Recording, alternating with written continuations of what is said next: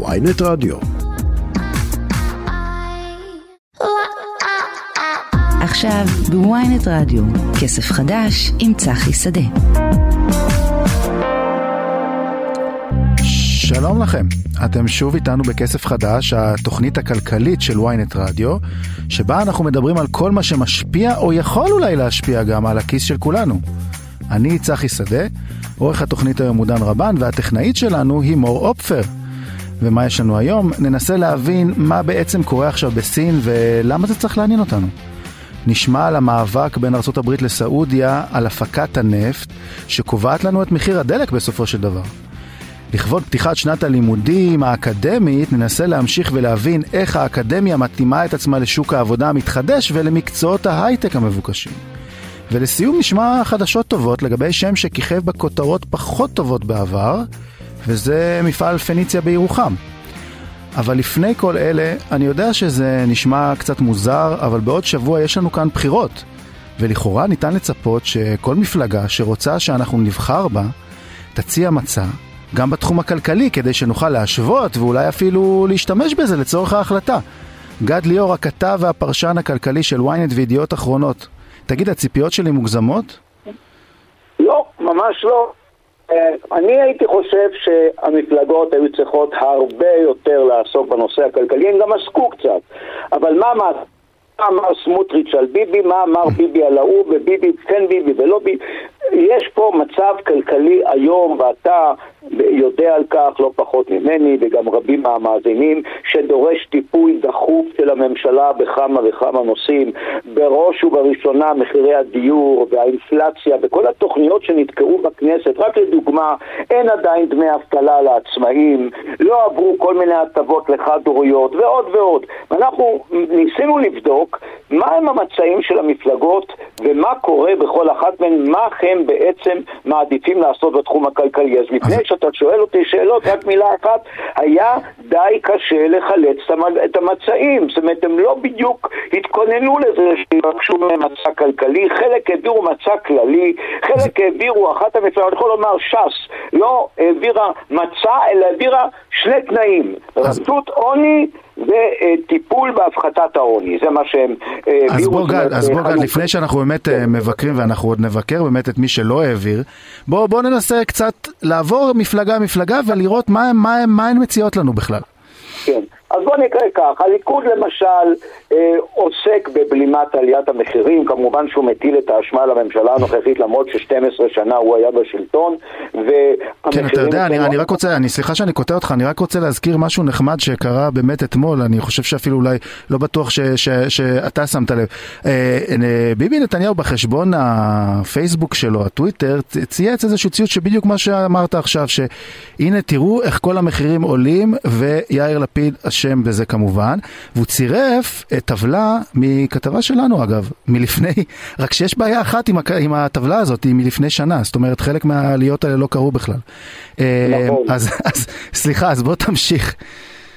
כן, אז אני אומר, בוא ניקח כך. הליכוד אומר, בליית עליית המחירים, הפחתה מיידית של מחוללי האינפלציה, נוריד את מחיר החשמל, הדלק והמים, נקפיא את תעריפי הארנונה. בוא נאמר, זה אפשרי. איך אפשר? עשו את זה כבר, גם הממשלה שלו, גם ממשלת אה, אה, בנט. פשוט הקפיאו את השכר הממוצע, ואפשר חלקית לעצור. אבל בוא נאמר, אי אפשר לעשות את זה לאורך שנים, הרי אנחנו קונים את הפחם, ומחיר הפחם בעולם עלה מאוד, ואנחנו עדיין ב-23% מייצור החשמל בפחם, אז קצת קשה אה, להגיד, בואו לא נעלה את המחיר. תראה, אני חושב שזה באמת, אני חושב שלגבי הליכוד באמת קצת התקדמות, כי בבחירות הקודמות הם אפילו לא, לא נתנו שום דבר, לא מצע אפילו לא היה בעניין הכלכלי, נכון? נכון. ואגב, אותו ליכוד אומר נוריד, את, אה, אה, נגדיל את מדרגות המס עשתה הממשלה הנוכחית, אה, אה, ריווח נוסף, הגדלה נוספת של נקודות הזיכוי עשתה הממשלה הנוכחית, תגבור מס הכנסה שלילי עשתה הממשלה הנוכחית, הפחת מס חברות לא עשתה הממשלה הנוכחית, אבל נתניהו בזמנו הבטיח 18%, אנחנו על 23%, כך שזו הבטחה שבעבר לא קוימה. בואו נעבור כן. ליש עתיד, יש עתיד אומרת נפעל להגדלת הם כמובן רוצים לצרף את החרדים והגברים הנשים הערביות לשוק העבודה למה לא עשיתם את זה השנה? למה לא כל כך פעלתם בעניין הזה? וכל המפלגות מדברות על זה, ונגיד בנק ישראל וכולם, לא עוזר. בינתיים הגברים החרדים, לא כולם, רבים מהם לא עובדים, אותו דבר הנשים הערביות לא עובדות ברובן, לא כולן, לא עובדות. אה, יש עוד, אה, אה, רק בקצרה, יש עתיד, בכל זאת אלה שתי המפלגות נכון. הגדולות. גד, יש לנו קצת בעיה עם, לשמוע אותך, אתה, אתה, אתה שומע אותנו טוב? אני שומע אותך טוב מאוד. אה, מאה אחוז, לא היית מקוטע לרגע. אה, בסדר, בוא תמשיך.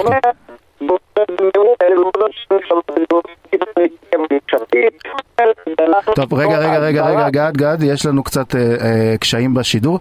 אנחנו אה, ננסה... אנחנו. ננסה לחזור, אנחנו. ננסה לחזור אליך שוב, תודה.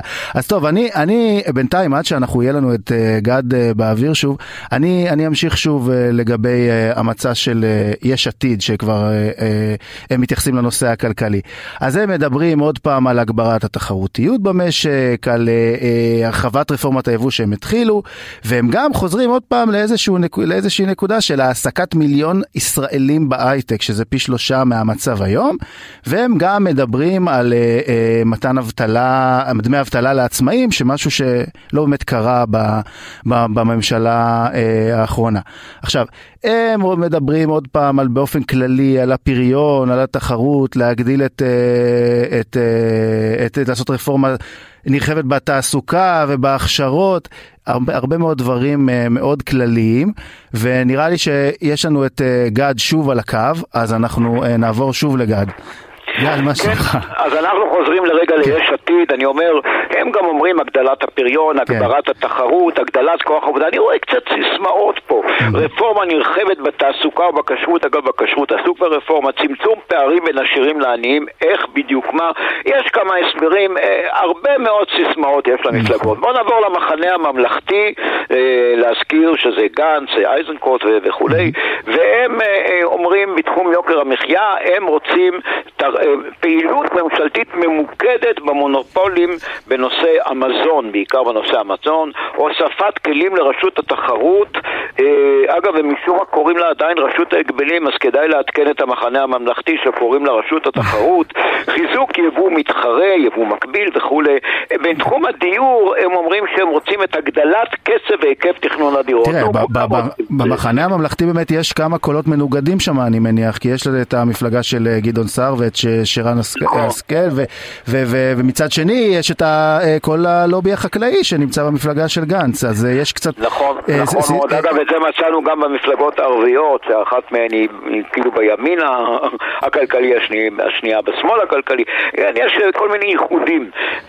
זהו, השאלה כמה הם מתייחסים לזה באמת ברצינות, שהעניין הכלכלי הוא משמעותי, כי כאילו זה נראה שזה, אומרים אוקיי, טוב, לכל אחד מאיתנו יש דעות כלכליות. שונות, אמרו בדיוק. לי ש"ס, אתה יודע, התירוץ שמעבירים לי רק שני סעיפים, אמרו אנחנו לא רוצים לסמן וי על מצע שלם. אנחנו נלך על שני דברים, על לחלק אה, תעודות מזון לנזקקים ולהקים את רשות למלחמה בעוני. לא רוצים דברים אחרים. אז זה דווקא אולי חכם, זאת אומרת אנחנו נתקוף אותם, אבל הם אומרים בואו נלך חזק על שני הדברים האלה. אגב, הם אמרו שזה תנאי להצטרפות לממשלה ש"ס, שני הדברים האלה. אז אה, לחלק את התלושים האלה כן, למשפחות העניות ולהקים רשות למלחמה בעוני עם הגדרות אגב, מה צריכה להיות רמת העוני, זאת אומרת כל שנה היא תרד בכך וכך, אה, קצת קשה לעמוד בזה, בעיקר כשיש אינפלציה, בעיקר כשחלק גדול מהציבור שלהם לא הולך לעבודה, אה, כן, יש בזה בעיה. גם בניו זילנד, משפחה עם שמונה ילדים תהיה ענייה תמיד, לא חשוב מה הממשלה תעשה, אם לא ילכו לעבוד. אז אה, אני מציע ללכת לעבוד. מחנה ממלכתי, בתחום יוקר המחיה, הם אומרים שהם יטפלו כאמור במונופולים של המזון. בתחום הדיור, הם רוצים להגדיל את קצב והיקף תכנון הדירות. נו, כולם אמרו את זה, ובסדר. אה, אני לא רואה איזה רעיונות מיוחדים. הציונות הדתית, יש לה מצע כלכלי צחי יוצא דופן. כל מיני דברים שאף אחד אחר לא אומר. לדוגמה, שמעת פעם שרוצים להטיל מס קורונה? אז הם רוצים להטיל מס קורונה על מי? רק על עובדי המגזר הציבורי. מעניין, לא? כן. רק על עובדים במגזר הציבורי, כן, כי יש שם, טוב, יש שם קצת עניין של... אגב, בעבר היה היטל צמיחה במגזר הציבורי, זה לא משולל כל יסוד שיטילו רק על המגזר הציבורי מיסים. עכשיו, חוק בוררות חובה בשירותים חיוניים הם רוצים, ומניעת שביתות פרועות, כך הם כותבים במצע, במילים האלה, נאסור על שביתות הזדהות ועל שביתות פוליטיות ונבטל את מוסד הקביעות בשירות המדינה. טוב, אז תראה, תראה, עוד מעט, עוד מעט ייגמר לנו הזמן ואני רוצה שנדבר נכון. על עוד איזה, עוד איזה נקודה אחת בולטת שראינו, איזה, יש כמו שאמרת בדיוק את העניין הזה בציונות הדתית, אז במרץ יש גם איזה משהו אה, אה, די חריג, שהם מדברים על מיסוי של מי? של 60 אחוז? אה, נכון, מהאוכלוסייה. נכון. זה נכון, הם רוצים אה, קביעת מדרגת מס נוספת של 55% המשתכרים מעל 60 אלף שקל ומדרגת מס עליונה של 70% על כל שקל מעל 100 מההכנסה הממוצעת במשק אה, כן, מעניין, זאת אומרת, הם רוצים להטיל מס כבד אגב, מה קרה בשוודיה כשהטילו מס כבד? עוד בזמנו היה שם אינגבר ברגמן ואחרים, הם פשוט ברחו מהמדינה כדי לא לשלם את המס הזה נכון. אז אם אנחנו רוצים שכל התשובות למיניהם יעזבו את המדינה, אז אפשר לעשות את זה כן, זה לפחות, אבל תראה, לפחות יש פה תזות שאפשר להתווכח עליהן. תראה, גד, באמת, באמת שנגמר לנו הזמן, אני רק אגיד שאנחנו באופן מפורט ומסודר, אפשר יהיה לקרוא על המצעים הכלכליים האלה שאתה הבאת מחר, גם בידיעות אחרונות וגם בוויינט, אה, ואנחנו ממליצים לכולם לעשות את זה, כי זה חשוב לקראת אה, ההצבעה שלהם אה, בקלפי. אני מקווה, כמו שאתה אומר, שפעם אחת ילכו המצביעים, יקראו מצעים ויחליטו למי הם מצביעים, ולא להישאר תמיד עם אותה מפלגה. אולי כדאי להחליף אם יש מפלגה אחרת שאומרת משהו שאתה מסכים איתו, ולצערנו זה לא כל כך קורה. אני מסכים. תודה רבה לך גד ליאור, הכתב והפרשן הכלכלי של ynet וידיעות אחרונות. תודה. תודה צחי. תודה. Uh, ועכשיו מהביצה המקומית שלנו אנחנו עוברים לכלכלה עולמית. Uh, נשיא ארצות הברית uh, ג'ו ביידן הוא מאיים שסעודיה תישא בהשלכות בעקבות החלק שלה בהחלטה של אופק לצמצם את הפקת הנפט. בצעד שנראה כמו, קצת כמו תמיכה בצד הרוסי במלחמה באירופה. במקביל, בכירים במשק האמריקאי, שמנכ"לים של תאגידים בנקאיים כמו ג'יי פי מורגן צ'ייס וגולדמן זקס, הם צפויים לנסוע השבוע לריאד כדי להשתתף בפסגה בנוס, בנושא השקעות, אה, ב, ביוזמת יורש העצר הסעודי מוחמד בן סלמן. אז כדי להבין מה כל זה בעצם אומר ולמה זה צריך לעניין אותנו, אה, נאמר שלום לדוקטור נחום שילה. מומחה לסעודיה ומדינות המפרץ ממרכז משה דיין באוניברסיטת תל אביב. שלום לך. שלום, אחר צהריים טובים. אהלן, טוב, אז אמר, אמרתי פה מלא דברים שקורים כרגע שמעניינים. אנחנו נמצאים כרגע באיזושהי נקודת מפנה ביחסים של סעודיה וארצות הברית, או שזה עוד איזה משחק כוחות כזה? אה, כרגע אנחנו בעצם, היחסים אה, וארצות הברית הם יחסים אה, מאוד מורכבים, זאת אומרת... הם ידעו, יודעים עליות ומורדות, ויש איזושהי נקודת מפנה שלילית בשבועות האחרונים שנובעת מה, בעצם מההחלטה הסעודית שלא לא להגדיל את תפוקת הנפט של mm-hmm. מה שנקרא, של מדינות שלה עצמה ושל מדינות אופק, ארגון יצואניות הנפט. שזה אה, נתפס אה, מאוד בעייתי בארצות הברית בגלל העובדה שביידן היה בביקור בסעודיה לא מזמן, במסע הדילוגים שלו במזרח התיכון, שהוא ביקר גם פה. הוא בא לסעודיה ושם הוא, לפי הפרסומים, הוא קיבל הבטחה שסעודיה תגדיל את התפוקה. ועכשיו סעודיה לא מסכימה לעשות את זה, וזה נתפס בעיניים אמריקניות כ... עכשיו רגע, בוא... בואו נעשה באמת איזשהו סדר. למה זה באמת משנה לנו כמה אה, אה, נפט אה, אה, אה, יונפק, כמה הם מחליטים לעצור, איך זה באמת משפיע עלינו? אה, קודם כל צריך להבין בעצם שמדובר בעניין, אנחנו, זה לא רק עלינו, אנחנו על כל העולם. פה על אה, עניין גלובלי. Mm-hmm. כמו שאנחנו יודעים, במלחמת רוסיה-אוקראינה, שהסוף שלה לא נראה באופק, יצרה בעולם אה, משבר אנרגיה אנרגיה חמור, אה, ובעצם גרמה גם, לה, גם לבעיה באספקת האנרגיה לאירופה, וגם אה, בעצם אה, למצב שבו רוסיה יושבת על, חלק גדול מה, מהברז העולמי בנושא אנרגיה. ארה"ב, שכמובן רוצה לבלום מהלכים רוסיים, רצתה בעצם להגביר את התפוקה של האנרגיה בעולם, וחשבה שסעודיה תצטרף אליה ליוזמה הזאת, זה לא קרה. אז זו, זאת בעיה. עכשיו, אה, עוד פעם, ישראל uh, היא לא מושפעת ישירות מהסיפור האמריקאי-סעודי, אבל היא כן מושפעת בעקיפין. זאת אומרת, צריך להבין שבעצם אנחנו, אנחנו גם עשינו איזשהו, הגענו לאיזשהם הסכמות עם סעודיה בעקבות ביקור ביידן, אני לא מדבר כל כך על, ה, על הנושא של הטיסות מעל סעודיה, אלא כל, למשל כל נושא ההסכם עם סעודיה ומצרים על החופש השיט באיי פפיר וטיראן. ויש עוד דברים שהם קשורים למערכה האזורית של מול איראן.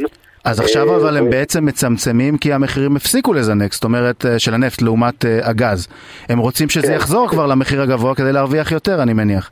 נכון, הסיבות שהם מצמצמים. עכשיו, הסעודים נורא הופתעו מזה שהאמריקאים מאשימים אותם בכל מיני האשמות של בגידה, סכין בגב, היו האשמות כאלה ברשתות Mhm. תקשורת אמריקאיות, והם אומרים, מה אתם רוצים? זה בסך הכל החלטה כלכלית פרופר שלנו, אנחנו פועלים לפי האינטרסים של הכלכליים של הממלכה הסעודית, וזה לא קשור אליכם, האמריקאים. Mhm. זאת אומרת, ואפשר להבין את הטענה הזאת, כי בסך הכל סעודיה היא דואגת קודם כל לסעודיה.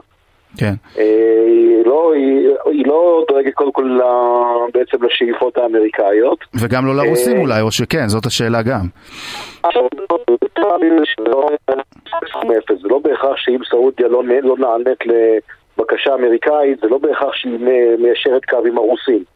זה משחק הרבה יותר מורכב, ולסעודיה יש פה את האינטרסים שלה. עכשיו, אנחנו צריכים להבין עוד דבר, שבעצם אם לפני 30 שנה, אני אחזיר אתכם טיפה אחורה לתקופת מלחמת המפרץ, שצבא האמריקאי בא, מה שנקרא, לחלץ את סעודיה בעור שיניה מציפורניו של סדאם חוסיין, אה, ובעצם אה, ארה"ב יכלה אפילו להכתיב לסעודיה כל מיני מהלכים בתחום האנרגיה, עכשיו המצב שונה. הסעודים מבינים הברית לא תחלץ לעזרתם ביום, אה, ביום פקודה אם יסתבכו עם האיראנים או דברים כאלה, ולכן הם מרגישים עצמם פחות מחויבים לבקשות האמריקאיות. הם, הם שול... אה, כמה הם באמת אבל שולטים באופק סעודיה כן. בעצם? כמה הם באמת שולטים? הם שולטים בזה לחלוטין? הם יכולים לקבוע או, ש... או שזה כבר לא ככה? לא, תראו, סעו- סעודיה, באופק יש מספר מדינות, אה, גם איראן חברה באופק דרך אגב, זאת אומרת, זה לא סעודיה לבד, אבל סעודיה מאוד מאוד דומיננטית, זאת אומרת, אה, לא, באופק לא יקרה שום מהלך בלי שסעודיה אה, תרצה שהוא יקרה, ולחלופין, אה, אם סעודיה למשל לא רוצה שיהיה מה- מהלך מסוים, כמו למשל הגדלת תפוקה, אז הוא בהכרח לא יקרה. אה. כי סעודיה אומנם היא לא, מבחינה נומינלית, לא מנהלת את אופק, אה, אבל מבחינה מעשית אה, היא די אה, מכתיבה שם אה, אה, תהליכים וקבלת החלטות, וגם במקרה הזה. זאת אומרת... אה, עכשיו תגיד, דרך- כן. באמת בתוך סעודיה, הרי אה, אתה חושב שזה איזושהי נקודת מפנה אולי עכשיו בשביל בן סלמן עצמו, מבחינת המעבר מנפט להכנסות אחרות, כמו הנכסים שיש להם שם, תשתיות, הרי הוא מנסה לעשות איזשהו- שינוי שם אני מניח. נכון, תראו, בסעודיה אה, בשנת 2016 היורש העצר הסעודי מוחמד בן סלמן הוא הגה תוכנית שנקראת סעודיה 2030. מהמם. שזה בעצם תוכנית שבגדול נועדה להפחית את התלות הסעודית בייצוא אנרגיה ולבסס את הכלכלה הסעודית על, מס... על משק שמבוסס על ידע, טכנולוגיה, הייטק, אה, להגביר את השוויוניות במשק, להפחית את האבטלה, אה, לקדם פרויקטים תעשייתיים ותיירותיים גדולים, זאת אומרת זה חזון מאוד מאוד מאוד גרנדיוזי, כן? אה, שחלק ממנו, אנחנו כבר ב-2022, אבל חלק גדול, הנקודה היא שיש יש הבדל מבחינת התוכנית הזאת בין מעשה, בין, בעצם בין חזון למציאות. המציאות היא לא כל כך תואמת את החזון. אה, הרבה מאוד מזרמים שקשורים בפרויקט בתוכנית 2030, אה, או שלא יצאו אל הפועל, או שהם מתנהלים בעצלתיים, או שיש איתם בעיות, ועדיין אה, סעודיה ממשיכה להיות מדינה שהיא תלויה, מה שנקרא, באופן מאוד מאוד אה, אה, מוחלט אפילו. אגב, הוא, סופית כבר שולט שם בהכל, בן סלמן הבן, או שלאבא שלו עדיין יש אה, say שם? הכתר עדיין על הראש של, אה, אביו, אבל היה פה, אה, היה פה, אה, תראו, אה, אה, מוחמד בן סלמן קיבל את, אה, מה שנקרא את תפקיד יורש העצר בשנת 2017. עכשיו, כל פעם הוא צבר לעצמו עוד ועוד ועוד סמכויות, ככה שבפועל הוא די שולט על גופי הביטחון בממלכה ועל הכלכלה שלה. היה אה, לפני מספר שבועות עוד התפתחות מאוד מאוד מעניינת שבה אה, ניתן לו תואר ראש הממשלה. עכשיו, אה, כביכול זה משהו נורא טקסי ונורא לא חשוב, אבל זה מאוד חשוב. למה? כי לאורך כל פעם, בוא נגיד, בוא נגיד ב-70 שנה האחרונות, בסעודיה ראש, המלך היה גם ראש הממשלה. יור- יורש העצר היה הסגן, הסגן הראשון לראש הממשלה. ופה הוא קיבל בעצם את תפקיד ראשות הממשלה, שזה אומר בעצם שהוא מלך, אם, הוא היה קודם נגיד אה, מלך ב... 80 אחוז, אז היום הוא מלך ב-90 אחוז או 95 אחוז. אה, גם צריך לזכור שאביו, המלך עצמו, המלך סלמן, הוא בן אדם מאוד מאוד מבוגר, כן. מאוד מאוד חולה, שיש לגביו טענות של גורמים שונים שהוא גם לא מתפקד בחלק גדול משעות היממה. אה, ולכן אפשר לומר שבתכלס, אה, מבחינת, מבחינה מעשית, דה פקטו, מוחמד בן סלמן שולט שליטה מוחלטת בכל, ה, בכל ימי הממלכה, אבל עדיין, עדיין הכתר כן. לא על הראש שלו, אבל זה רק עניין של זמן. טוב, נראה איך המאבק הזה יימשך עם ארצות הברית. אני מודה לך מאוד, אה, דוקטור נחום שילה, מומחה לסעודיה ומדינות המפרץ ממרכז משה דיין באוניברסיטת תל אביב. אה, תודה רבה לך. תודה לכם. ועכשיו אה, הפסקה מוזיקלית, קלילה. עוד בנעוריי, כשפגשתי בחורה יפה, ניגשתי, גיששתי, ביקשתי, התחננתי, עוד בנעוריי, היא כבר אז אמרה לי לא. השנים חלפו ושיניתי את הטקטיקה ניגשתי, גיששתי, ביקשתי, התחננתי. השנים חלפו, אך הן עוד אומרות לי לא. היום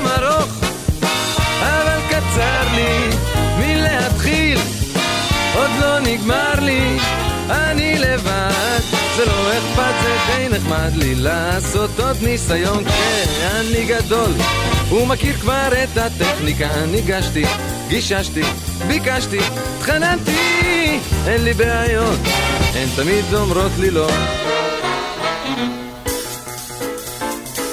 לא חשוב אישה, העיקר זה הרומנטיקה, ניגש ב, גשש ב, מבקש ב, תחנן ב, אך כמו תמיד, אני עוד לא שומע בו.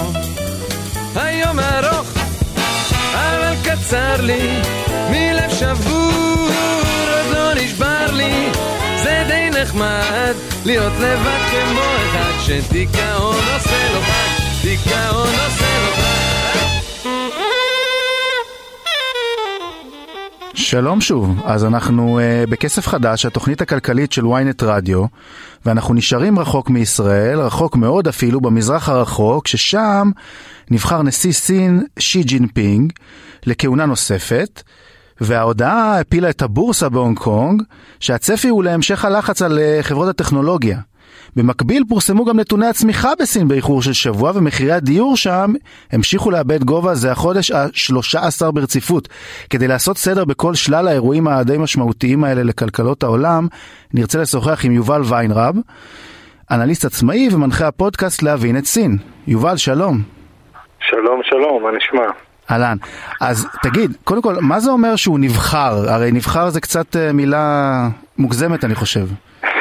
כן, הוא נבחר על ידי uh, חברי הוועדה המרכזית של המפלגה הקומוניסטית של סין, שהם בתורם נבחרים על ידי אה, מי שמושך בחוטים בדרך כלל ודואג שכל מי ש...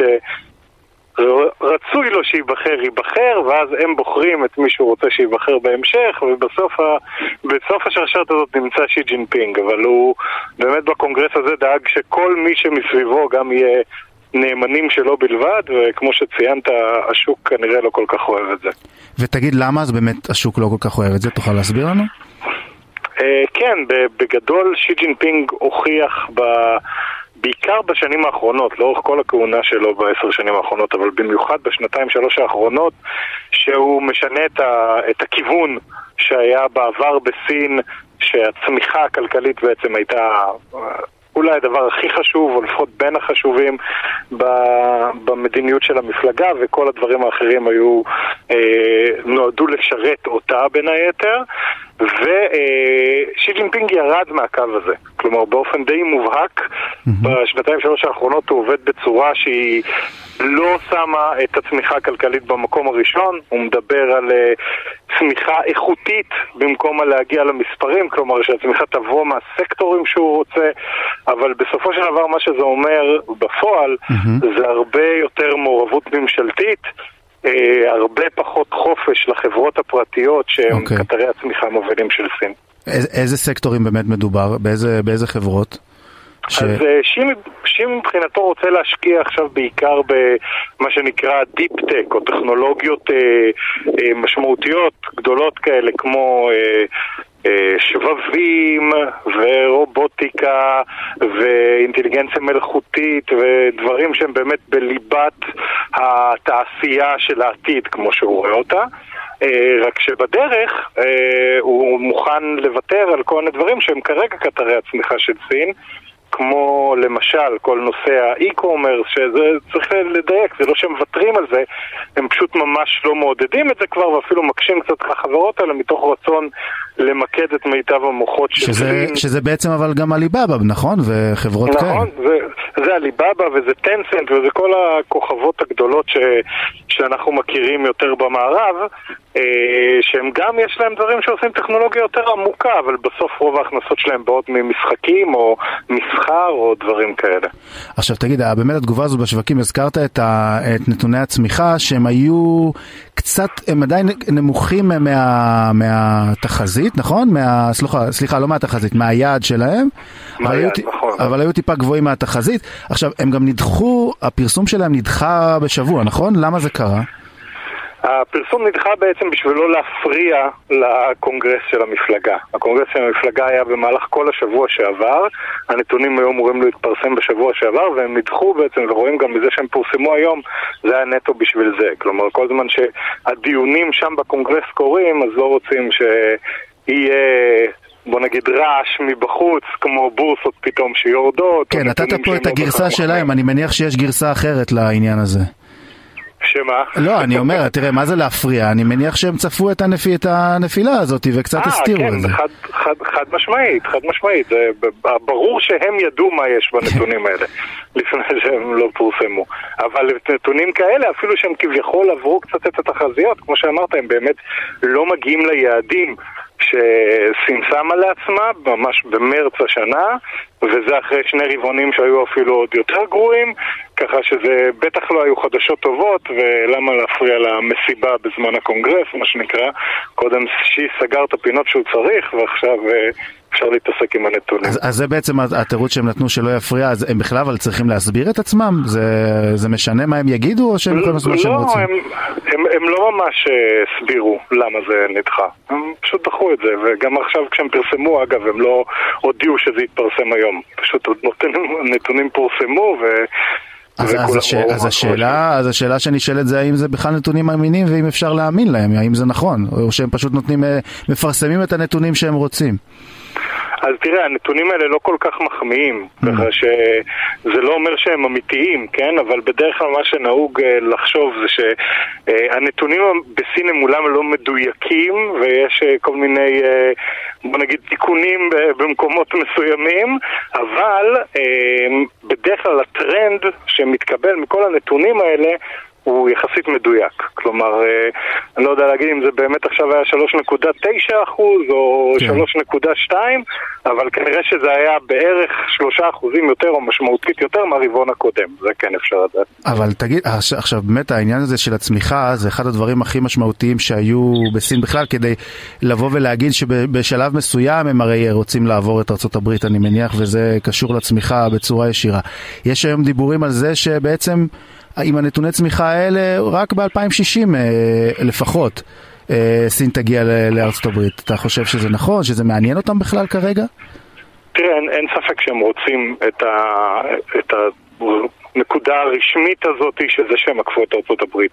כולם דיברו על זה שזה יהיה ב-2030. ברור שכרגע אם סין ממשיכה עם הקו הנוכחי של סגרי קורונה ושל פגיעה ב, בכל מיני גורמי צמיחה כלכליים, זה יהיה להם הרבה יותר קשה להגיע ל-2030. אני לא יודע אם 2060 זה מספר אה, נכון, ואני חושב כן, אף אחד לא יודע כנראה אני מניח. כן, אבל, אבל אין ספק שכרגע הקצב שהם צומחים בו, אם פעם דיברו על זה בהתבסס על קצב צמיחה של 6-7 אחוזים, Mm-hmm. אז נראה שהקצב צמיחה היותר הגיוני לכלכלת סין בשנים הקרובות יהיה באזור ה-3-4 אחוזים, ואולי בהמשך אפילו פחות מזה. עכשיו תגיד, בעצם מי, מי שולט בכלכלה הסינית חוץ מהנשיא אה, אה? יש עוד גורמים משמעותיים שמשפיעים שם? תראה, בסוף, בסוף הממשל המרכזי והמפלגה, דרך כל מיני גופים שיש לה, יש הרבה מאוד רשויות רגולטוריות שכל אחת אחראית על התחומים שלה, בין אם זה אה, תעשייה ומסחר, יש גוף שמפקח על האינטרנט ועל כל הכלכלה הדיגיטלית, יש המון גופים שכל אחד אחראי על התחום שלו. בסוף כולם מקבלים את ההנחיות מהפוליטביורו הסיני ומהוועדה, אה, הממשלה הבכירות ביותר, שמורידות את זה אחר כך לוועדות השונות שעוסקות יותר באימפלמנטציה. אבל מבחינת האסטרטגיה והקביעה של המדיניות, והכל קורה בצורה ריכוזית ועל ידי החבר'ה שיושבים בטופ. אז תראה, לפני שאני אשאל אותך גם לגבי הנושא הדיור שם שהוא מאוד מעניין, אה, מה, מה, מה, מה בעצם כל זה אומר לגבי השווקים כרגע? זה יכול, להש... הירידות ימשיכו, אנחנו נראה את זה גם אה, בוול סטריט היום, או שאולי זה סתם אה, פאניקה זמנית? תראה, אני, אני חושב שכרגע מה שמאוד מסתמן מהחודשים האחרונים בכלל זה שההיפרדות בין סין אה, לארה"ב הופכת להיות אה, חד משמעית ונראה שכבר בלתי הפיכה mm-hmm. וזה אומר שהרבה מאוד דברים הולכים אה, להשתנות אה, גם אצל חברות סיניות שמתבססות על רכיבים אמריקאים או על שווקים אמריקאים אותו דבר גם לחברות אמריקאיות, אגב, שמשתמשות ברכיבים סינים או שמייצרות בסין, או שהשוק הסיני הוא מאוד חשוב בשבילן. כרגע הכל עוד אה, זהיר עם החברות האלה, כמו למשל טסלה או אפל, ו... אף אחד לא, הסינים עוד לא עשו איזה מהלך נגדי, בוא נגיד, לכל מיני סנקציות אמריקאיות כאלה ואחרות, אבל אין ספק שהכל כרגע עומד על, אה, על uh, הרבה מאוד אי ודאות, וקשה לדעת מה יהיה באמת ב... בתקופה כן, הקרובה. טוב, זה, זה, כמעט, זה נכון כמעט באמת לכל דבר שבטווח הקצר שקשה באמת להעריך. אגב, אנחנו דיברנו קודם בתוכנית על הקשר של אה, רוסיה עם סעודיה. מה, מה אנחנו יודעים בעצם על סין ורוסיה? כמה הם התקרבו במלחמה עכשיו? תראה, אני חושב שסין כרגע, אחד הדברים ש, שיודעים בוודאות זה שהיא אה, לא עזרה לרוסיה בכל הדברים שכביכול אה, היו בטוחים שהיא תעזור להם, כמו במכירת נשק, mm-hmm. או בדברים שהם, שהם קשורים ישירות למלחמה. היא כן אה, מאפשרת לרוסיה שוק. אה, לגז ונפט ולדברים שלא מגיעים כרגע לאירופה, אז סין כמובן שמחה לעזור לרוסיה להיפטר מהמלאים האלה במחירים נוחים. זה עובד בעיקר כרגע על בסיס האינטרסים הסינים. אני בטוח שסין מאוד לא שמחה לראות את uh, רוסיה uh, מתפתלת ונופלת יותר ויותר כן. עמוק לתוך המלחמה הזאת בלי הצלחות. לא מתוך uh, תמיכה שלה ספציפית במלחמה הזאת, אלא בגלל שפשוט זה מאוד מחליש את מי שאמורה אה, לעזור לה להסיט אה, חלק מהאש המערבית, בוא נגיד ברמה הדיפלומטית או הכלכלית. הבנתי. תראה, נושא אחרון באמת שאני רוצה להבין לגבי מה שקורה שם זה שוק הדיור. כי אמרנו בהתחלה באמת, שוק הדיור שם, המחירים יורדים. ויש שם עניין שלא רוצים לשלם משכנתאות, כן. התושבים, איפה זה עומד פחות או יותר כרגע? לאן זה הולך בעצם גם? שוק הדיור זה, זה נקודה מאוד, אה, מאוד מאוד משמעותית בכלכלה הסינית. כלומר, ההערכה היא שבערך שליש מהכלכלה הסינית מתבסס בצורה כזו או אחרת על, אה, על שוק הדיור במדינה. אה, בין 70 ל-80 אחוז מההון של משקי הבית בסין הוא בנדל"ן.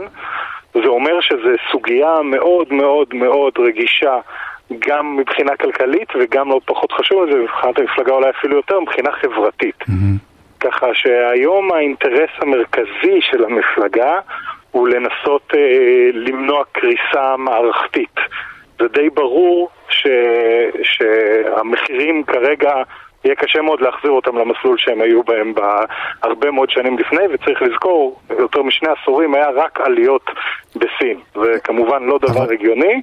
כן, זהו, איך זה גם קורה? הרי הם, מה, הם בונים יותר מדי עכשיו? הם... אה, הם בנו המון, תראה, ברגע ש... שלכל השחקנים במערכת היה אינטרס להמשיך ולבנות והמחירים כל הזמן הולכים, אז האינטרס הזה שלהם מחוזק ומועצם כל הזמן, ונראה לכולם שהמקום הכי קל להרוויח בו כסף זה נדל"ן, אז זה יצר איזשהו עיוות מאוד משמעותי. אה, שגם בנו הרבה יותר מדי, בעיקר במקומות שלא בהכרח יש להם ביקושים לפחות כרגע, אה, וגם זה הגיע למצב שבמקומות אה, מבוקשים המחירים הגיעו למחירים מטורפים, כלומר בשנגחאי או בשנזן או בבייג'ין, מחירים של דירות זה כמו בערים הכי יקרות באירופה. אז זה בעצם יצר איזשהו עיוות כזה שהיה ברור שמתי שהוא צריך לקרוס השאלה היא עד כמה הוא יקרוס בבום ויביא איתו לממש בעיה מערכתית, או שמה שהסינים מנסים לעשות, שזה ככה ל- ל- להוציא את האוויר יחסית בצורה מבוקרת מהבועה הזאת. כן. אה, טוב, הם יכולים לא לעשות קל, את זה, אבל- יותר קל להם אני חושב, בגלל שהם באמת שולטים יותר, זה לא כמו שוק חופשי, בוא נגיד ככה, שהם יכולים נכון. קצת יותר לשלוט בו אולי, אבל אה, בינתיים זה לא נראה שהם מצליחים. תראה, הם, הם כן הצליחו למנוע קריסה גדולה. בסופו של דבר זה שהמחירים יורדים זה משהו שהיה חייב לקרות. השאלה אם זה, אם זה יקרוס או לא. וכרגע מה שהם מנסים לעשות זה באמת את המחאות האלה על המשכנתאות ואת כל הדברים האלה, הם בעיקר מטפלים, מתעדפים את הטיפול בדברים האלה שיש להם אלמנט חברתי מאוד חזק, כלומר של איזשהו סוג של מרד או, או, או התקוממות אזרחית, זה הדברים שהם הכי חשובים להם ואיתם הם באמת מתחילים ובגלל זה הם הקימו כל מיני קרנות, כמו שאמרת, הם יכולים להרשות לעצמם לרתום גם את השחקנים מהשוק הפרטי הגדולים שאין להם חובות וגם כל מיני קרנות אה, מקומיות וממשלתיות של השלטון המרכזי וליצור בעצם כל מיני כלים לחילוץ של אה, נכסים או פרויקטים בעייתיים ומצד שני הם גם ינצלו את זה בשביל שהחברות הלא טובות ש... שאפשר לאפשר להם ליפול, ייפלו. אה, הבנתי. כי אין ספק שיש שם מינוף יותר. אה, טוב, אנחנו יכולים עוד לדבר על זה עוד אה, שעות, על הנושא הזה, אבל אין לנו זמן. אז אה, אני אגיד כן. לך תודה רבה, אה, יובל ויינרב, אנליסט עצמאי ומנחה הפודקאסט להבין את סין, תודה רבה לך. תודה רבה. תודה, להתראות. אה, הפסקה. קצרה. עכשיו בוויינט רדיו, כסף חדש עם צחי שדה. אז uh, אנחנו שוב בכסף חדש, ואתמול נפתחה עוד שנת לימודים אקדמית, ושוב עולה השאלה כיצד האקדמיה מתאימה את עצמה לעולם העבודה, ובעיקר למקצועות ההייטק המבוקשים. Uh, פרופסור טובה מילו, דיקנית הפקולטה למדעים מדויקים באוניברסיטת תל אביב, שלום לך. שלום גם לך. אהלן. טוב, אז תראי, אתמול בתוכנית אנחנו דיברנו פה עם, אה, עם אה, פרופסור אה, אוריאל רייכמן על הבית ספר שנפתח אצלם ביחד עם גוגל למקצועות ההייטק, והוא אמר שמגיעים אל... גוגל באו אליהם כי הם הכי טובים. הם באמת הכי טובים? לא לדעתי, לדעתי אנחנו בתל אביב הכי טובים. אבל על זה אפשר כמובן לדון הרבה מאוד. אה, טוב, לא, לא, לא חשבתי שתגידי אחרת האמת, אבל אה, הייתי חייב אה, לשמוע את זה. תגידי, מה זה בעצם מקצועות ההייטק? על מה אנחנו מדברים? בגדול זה כל מה שקשור לעולם המחשובי, זה מניתוח של צרכים ומערכות, אחר כך הפיתוח של התוכנה, בדיקה של התוכנה, כל מה שקוראים לו היום big data, מדעי הנתונים, אה, דברים שקשורים לאבטחת מידע וסייבר, אה, ודברים שקשורים אליכם, אנשי דיגיטל, רשתות חברתיות, אה, כל הדברים האלה. בקיצור, כל הזוויות השונות של אה, העולם המחשובי. ואיך זה באמת השתנה בשנים האחרונות מבחינת הדרך שלכם ללמד את המקצועות האלה, אולי מקצועות נוספים שהוספתם? יש שני דברים אה, כשמלמדים את כל הדברים האלה. אה, דבר ראשון זה לבנות תשתית אה, טובה. תשתית טובה זה אומר כל המתמטיקה שצריך, כל הסיבוכיות, כל מיני נושאים שהם נושאי יסוד שהם מאוד חשובים והם הרבה שנים יציבים ומלמדים אותם וחייבים לדעת אותם. מעל זה בונים את כל המקצועות היותר מתקדמים, שכמובן שם יש, יש שינויים, כל פעם נכנסים תחומים חדשים, היום למשל כל מה שקשור למדעי הנתונים, ביג דאטה, Machine Learning, AI, כל המילים החמות אה, אה, שמתחדשות. עכשיו תגידי, מה אתם בעצם עושים אצלכם כדי להגדיל את מספר הסטודנטיות, נגיד ש, שאתם רוצים שתשיעו אצלכם אה, במגמות ההייטק, כי הרי יש באמת עדיין פחות נשים בתחום, או, או אוכלוסיות שהן פחות מגיעות למקום הזה ושרוצים לחבר אותם? אה, אז העבודה על זה לא מתחילה אצלנו, העבודה על זה מתחילה קודם בבתי ספר יסודיים, בתיכונים. אה, האמת שבשנים האחרונות עשו שם עבודה אה, ממש מדהימה, ואנחנו מקבלים הרבה, הרבה יותר סטודנטיות נכנסות אצלנו למערכת. במדעי המחשב למשל אצלנו, יש בערך אה, 40% מהסטודנטים החדשים הם סטודנטיות. אז אמנם לא 50% אה, זה, אבל זה מתקרב. אה, איפה שהמצב פחות טוב זה בהמשך הדרך, אה, אנחנו מאבדים אותן. אה, בתואר שני למשל, המספרים יורדים ב-15%, אותו דבר בדוקטורט, חברות סגל יש לנו רק 10%, וזה בעיה גדולה. אתם אבל כאוניברסיטת תל אביב מנסים לקדם ויש לכם איזה שהם דרכים כן למשוך את האוכלוסיות האלה שפחות מגיעות או שאתם... כן, כן, אז הדבר הטוב בלהיות בחלק מאוניברסיטה, כמו אוניברסיטת תל אביב למשל, זה שכל שאלה שיש לך למה משהו קורה, אה, תמיד יש פה איזה חוקר או חוקרת שכבר חקרו את זה ויודעים לתת תשובה. במקרה אה, של אנשי ונשות מחשבים, אה, התשובה היא שהן לא מרגישות שייכות. הן לא מרגישות שזה שלהן, הן לא מרגישות שהן טובות, אה, אה, הן לא מרגישות שהן יכולות.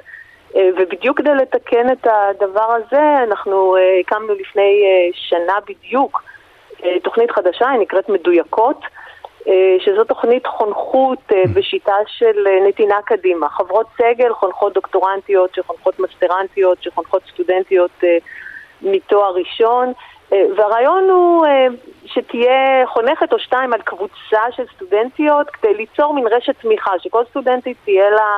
מישהי שהייתה שנייה לפניה באותם נעליים, מישהי כמוה שיכולה לשתף איתה, מישהי מתחתיה שיכולה להעביר לה אה, מידע, והתוכנית הזאת באמת אה, מדהימה, עברה שנה ואנחנו כותבים פידבקים כן. מדהימים מהסטודנטיות. הבנתי. תגידי, עכשיו, מה לגבי לימודים מרחוק? אתם מתאימים את הלימודים אצלכם ל- ל- ל- למה שהשתנה בשנים האחרונות פה? הרי יש הרי ביקוש, אני חושב שהסטודנטים כבר לא כל כך מחפשים להגיע. אה, אז כן ולא. אה, אנחנו מאמינים ומאמינות אה, שטוב שהסטודנטים אה, והסטודנטיות יגיעו לקמפוס, האינטראקציה שיש בשיעורים, הישיבה עם החברים והחברות, השיחות עם המרצים והמרצות, זה משהו שאי אפשר להחליף אותו בסתם צפייה בזום, זה, זה פשוט לא אותו דבר. מצד שני, אנחנו כן מנגישים את ה... קורסים לסטודנטים, אנחנו מקליטים אה, הרבה מאוד, ככה שהם יוכלו לחזור על החומר אחר כך, להתכונן אה, אה, לבחינות וככה הלאה. זאת אומרת, הקורונה או כל מה שהיה בשנים האחרונות תרם, אבל אנחנו לא חושבים שזאת התשובה הנכונה. את מרגישה אבל, תגידי, לגבי השילוב בתעסוקה והלימודים באמת של מקצועות כאלה, את התחרות הרי הרבה סטודנטים היום, ולא דווקא סטודנטים בכלל, הולכים לקורסים עצמאיים, אומרים אוקיי בואו אנחנו נשתלב בהייטק בצורה הזאת, מוותרים על התואר האקדמי. אתם מרגישים את התחרות הזאת? אתם חושבים שזה נכון? אה, אנחנו חושבים שזה לא נכון. אה, אני חושבת שהקורסים הקורסים האלה כשלעצמם, כדי לפתור בעיה נקודתית, הם, אה, הם טובים מאוד, אבל הטכנולוגיה מתקדמת. מה שאנחנו מלמדים פה זה לא רק טכנולוגיה אחת אה, אה, ספציפית זה איך לחשוב. אני חושבת שזה אה, הדבר הכי חשוב. כשאתה יודע איך לחשוב, כשאתה יודע איך ללמוד בעצמך, כשאתה יודע איך לדון, להעמיק בדברים, אתה, יש לך את כל הכלים שהם טובים גם לטכנולוגיה של מחר ושל מחרתיים, יש לך את התשתית. השאלה אם יש סבלנות לסטודנטים היום ולסטודנטיות לדבר הזה והם מבינים והם מבינים את הערך הזה או שהם רוצים, כי את יודעת, היום אה, רוצים להגיע למשכורת הגבוהה כמה שיותר מהר ולא בטוח שיש להם כוח לתת ארבע שנים באוניברסיטה. אה, שוב, אני חושבת שהסטודנטים שלנו הם סטודנטים חכמים, כל אותם אה, חבר'ה צעירים, כאילו, כולם מזלזלים בחבר'ה הצעירים שאין להם סבלנות, אין להם כוח, אין להם זה, לפי דעתי הם, נבונים, הם מבינים מה חשוב. זה נכון שלחלקם אה, אה, זה לא מתאים, וזה בסדר, זה לגמרי לגיטימי. מבחינת, אבל... מבחינת כמות הסטודנטים, יש גידול עדיין? אתם מרגישים כן, גידול כל, כן, כל שנה? כן, יש גידול, יש גידול. למרות שגם האוכלוסייה גדלה, זה, זה אמור להיות כן, כן, תואם. אבל הביקוש, הביקוש הוא מאוד מאוד גדול, ובצדק, באמת הכלים שהאוניברסיטאות, אוניברסיטאות המחקר לפחות, נותנים לסטודנטים, זה דברים שאין בשום מקום אחר. הבנייה של, אה, אה, של התוכנה העתידית, של עולם העתיד, אה, זה לא משהו שקורה כשמסתכלים ביוטיוב, זה משהו שקורה כשדנים בטכנולוגיה, שעושים brainstorming, שמעמיקים, אני חושבת שיש את זה רק פה, כאילו, באמת אין, אין לזה תחליף אמיתי. Uh, טוב, אז uh, תודה רבה על השיחה הזאת, שתהיה שנה מוצלחת לכולם, גם לסטודנטים וגם לכם. אה, ותודה רבה, פרופסור טובה מילו, אה, דיקנית הפקולטה למדעים מדויקים באוניברסיטת תל אביב. תודה. תודה, להתראות. תודה. אה, אנחנו שוב להפסקה מוזיקלית. Yeah. Yeah, I'm out at Brooklyn. Now I'm down in Tribeca, right next to the Narrow. But I'll be hood forever. I'm the new Sinatra. And since I made it here, I can make it anywhere. Yeah, they love me everywhere. I used to cop in Harlem. All of my Dominicanos right there up on Broadway. Pulled me back to that McDonald's. Took it to my stash spot, 560 State Street. Catch me in the kitchen like a Simmons whipping pastry. Cruising down A Street, off white Lexus. Driving so slow, but BK is from Texas. Me, I'm out that Bed-Stuy, home of that boy Biggie. Now I live on Billboard, and I brought my boys with me. Say what up to Tata, still sipping my ties. Sitting courtside, Knicks and Nets give me high five. I be spiked out, I could trip a referee. Tell by my attitude that I'm most definitely from.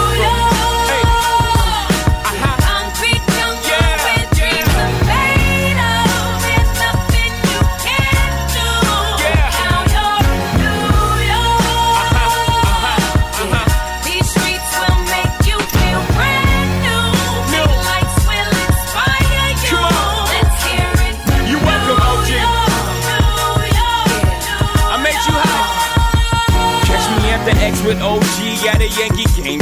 That made the Yankee hat more famous than a Yankee can. You should know I bleed blue, but I ain't a crypto. But I got a gang of walking with my click though. Welcome to the melting pot. Corners where we selling Africa been by the home of the hip hop. Yellow cap, gypsy cap, dollar cap, holla back. For foreigners, it ain't fair. They act like they forgot how to act. Eight million stories out there in the טוב, אנחנו שוב בכסף חדש, התוכנית הכלכלית של ynet רדיו, ולפני סיום של השעה שלנו, אנחנו רוצים לדבר עם נבית זומר, כתבת ידיעות אחרונות ו-ynet. נבית, מה שלומך? בסדר גמור. אז תראי, נבית, היום את מפרסמת כתבה שמחזירה אותנו לשם שהוא היה בעבר הרבה מאוד בכותרות לא מי יודע מה. זה מפעל נכון. פניציה בירוחם, ואת מספרת היום לנו חדשות טובות לגבי המפעל הזה, לא? היום אני מוציאה אותה, את ירוחם מהבקבוק. כן, אה, זה חדשות טובות מאוד, ומה שיפה פה זה שלפעמים, אתה יודע, אסונות במקום אחר הם ההזדמנות שלך.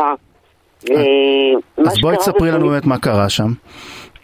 כן, פיניציה ירוחם, כמו שאתה זוכר, אה, הייתה פעמים רבות כבר לפני סגירה, גם בגלל מצוקה כלכלית, גם בגלל העובדה שהדתיים בזמנו הטילו חרם על הבקבוקים שלה, וכי התנור עובד 24 שעות. שבעה ימים בשבוע. וזה תמיד הייתה חברה עם איום סגירה מעליה, ופתאום יש פריחה. עכשיו, מה שגרם לפריחה הזאת זה שלושה דברים. אחד, סין, שהייתה יצואנית גדולה של בקבוקים בקורונה וגם אחרי הקורונה, הסגרים הגדולים השביתו מפעלים, ובנוסף, התעבורה מ- מסין לכל העולם התייקרה ברמות כאלה שזה הפך את זה כמעט לא כדאי. דבר שני, המלחמה באוקראינה, מסתבר שבאוקראינה היה לא מעט מפעלים של זכוכית שכרגע לא מייצאים, ומעבר לכל, העניין של האנרגיה. אה, ירוחם הייתה המפעל הראשון שחובר לגז. עכשיו, כל אה, מתנגדי מתווה הגז, אה, אני מקווה שהם שומעים את זה, היות וישראל יש לה עצמאות אנרגטית, או סוג של עצמאות אנרגטית, אנחנו משלמים היום, אמר לי מנכ"ל המפעל, שהיה אצלו עכשיו אורח אה, מתעשיית הזכוכית האיטלקית, אנחנו משלמים בין רבע לחמישית טוב, ממחיר הגז באירופה. המתנגדים פשוט אמרו שהיה צריך לשלם עוד פחות מזה, אבל לא ניכנס לזה עכשיו כבר. בוא, בוא, בכל מקרה, שיחק לטובתם חושבת- של, ה, של המפעל הזה. אני חושבת שאפשר כן להגיד משפט אחד. החש... מה שחשוב היה להוציא את הגז מהאדמה. ואחר כך אפשר להתווכח אם זה במחיר כזה או אחר. אבל אם היינו בזמנו, אה, אם מתנגדי המתווה היו מנצחים, הגז היה לדעתי עדיין באדמה הטמון. אבל לא משנה. בקיצור, פתאום פיניציה החבולה, יש לה יתרונות אה, תחרותיים. מפני שעלות הייצור שלה היום הרבה יותר נמוכה מאשר אה, בחו"ל. מהמם. יש ביקוש אדיר לבקבוקים, זה מצחיק, אנחנו חוזרים אחורנית. תעשיית המשקאות הקלים חוזרת לבקבוקים מזכוכית בגלל הזיהום האינסופי של בקבוקי פלסטיק. ו... ופתאום יש פריחה. יש כאלה שתמיד אהבו את הבקבוקי זכוכית האלה, בעיקר באיזה... נכון. כן, דרך אגב, מבחינת הטעם זה משמר יותר. נכון. ו... ופתאום יש פריחה. עכשיו, היא חתמה עם שתי ענקיות, אחת באירופה ואחת ב... בברזיל, שאתה אומר, לכאורה, מצרדיות זכוכית ענקיות, מה הן צריכות להביא מפה? Mm-hmm. אבל הנה, יותר כדאי להם להביא היום מישראל אה, מאשר אה, הייצור שלהם. טוב, זה ממש, זה באמת די מדהים. ראשון, זה מדהים כי זו פעם ראשונה, זה מפעל, אני לא יודעת אם מי שזוכר את ההיסטוריה, המפעל הזה בזמנו היה פיניציה שייך לחברת העובדים. כן. עוד לפני קור, כן? ואחר כך אה, חברת העובדים מכרה את המפעלים שלה ופיצלו, היה בין פיניציה ציפורי שעשתה זכוכית לחלונות ונסגרה כבר בגלל הפסדים. דרך אגב, אם היא הייתה קיימת היום, קרן פורטיסימו קנתה אותה וסגרה אותה בסופו של דבר. אה, זהו, מי מחזיק בה עכשיו באמת? לא אמרנו את זה. זה נסגר. פיניציה ציפורי שפעלה כן. בגליל. לא, אני אומר בפיניציה בירוחם באמת. מי שמחזיק אותה זה משפחת מנדל, מחזיקה אותה הרבה מאוד שנים, הם קנו אותה אז בהפרטה. אה, זו משפחה יהודית מקנדה, ותראה, הם כל השנים מחזיקים עדיין, וזה יפה, כי בוא נגיד שרווחים גדולים הם לא ראו מהמפעל, ועכשיו הם אה, מכריזים שהם הולכים להשקיע עוד 100 מיליון שקל להרחיב ולהכפיל את הייצור. עכשיו תגידי, זה, זה אבל יכול להחזיק? זאת אומרת, אנחנו אומרים, הנה, הם עשו את המהפך שלהם, עכשיו, עכשיו יש באמת צורך ויש יתרון תחרותי, זה משהו שאבל יכול להתהפך בעצם גם בעתיד. תשמע, כל העולם יכול להתהפך עלינו. נכון. באמת, הוא יכול נכון. להתהפך פה מהיום להיום. אנחנו לא יודעים מה יהיה מחר עם המלחמה באוקראינה, עם עוד מתקפת אה, וירוס כזה או אחר. אז אה, קשה לדעת, אבל אני חושבת שההרחבה והגדלה גם תוריד את העלויות עוד יותר. בסך הכל זה מפעל אה, ותיק מאוד. ואני מניחה שאף אחד לא משקיע כל כך הרבה כסף אם הוא לא... בכלל, תעשיינים הם אנשים אופטימיים מטבעם. נכון, הם תמיד נכון. רואים באופטימיות קדימה. היום הייתי בהשקה של המפעל החדש של אה, רב בריח. אתה יכול לשאול גם כן, מחיר הפלדה עלה והשקיעו שם 260 מיליון שקל.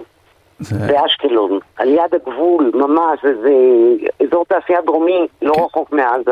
כן, לפעמים האופטימיות אבל מתהפכת עליהם, ולצערי, כן. ולצערי כבר נגמר לנו הזמן, אז אנחנו באמת נעקוב אחרי מה יקרה עם אה, פניציה בהמשך, ו... אבל בשלב זה אנחנו נגיד לך אה, תודה רבה. לנבית זומר. ביי. תודה רבה. Uh, טוב, אז uh, בזאת הסתיימה התוכנית שלנו להיום. אני צחי שדה, דן רבן היה העורך, מור אופפר הייתה על הביצוע הטכני, אחריי יואב רבינוביץ' ודודו ארז. וכסף חדש תחזור מחר עם רועי כץ, אז תודה רבה לכם שהאזנתם, ולמרות שאין גשם היום בסוף, uh, תמשיכו לנסוע לאט. להתראות.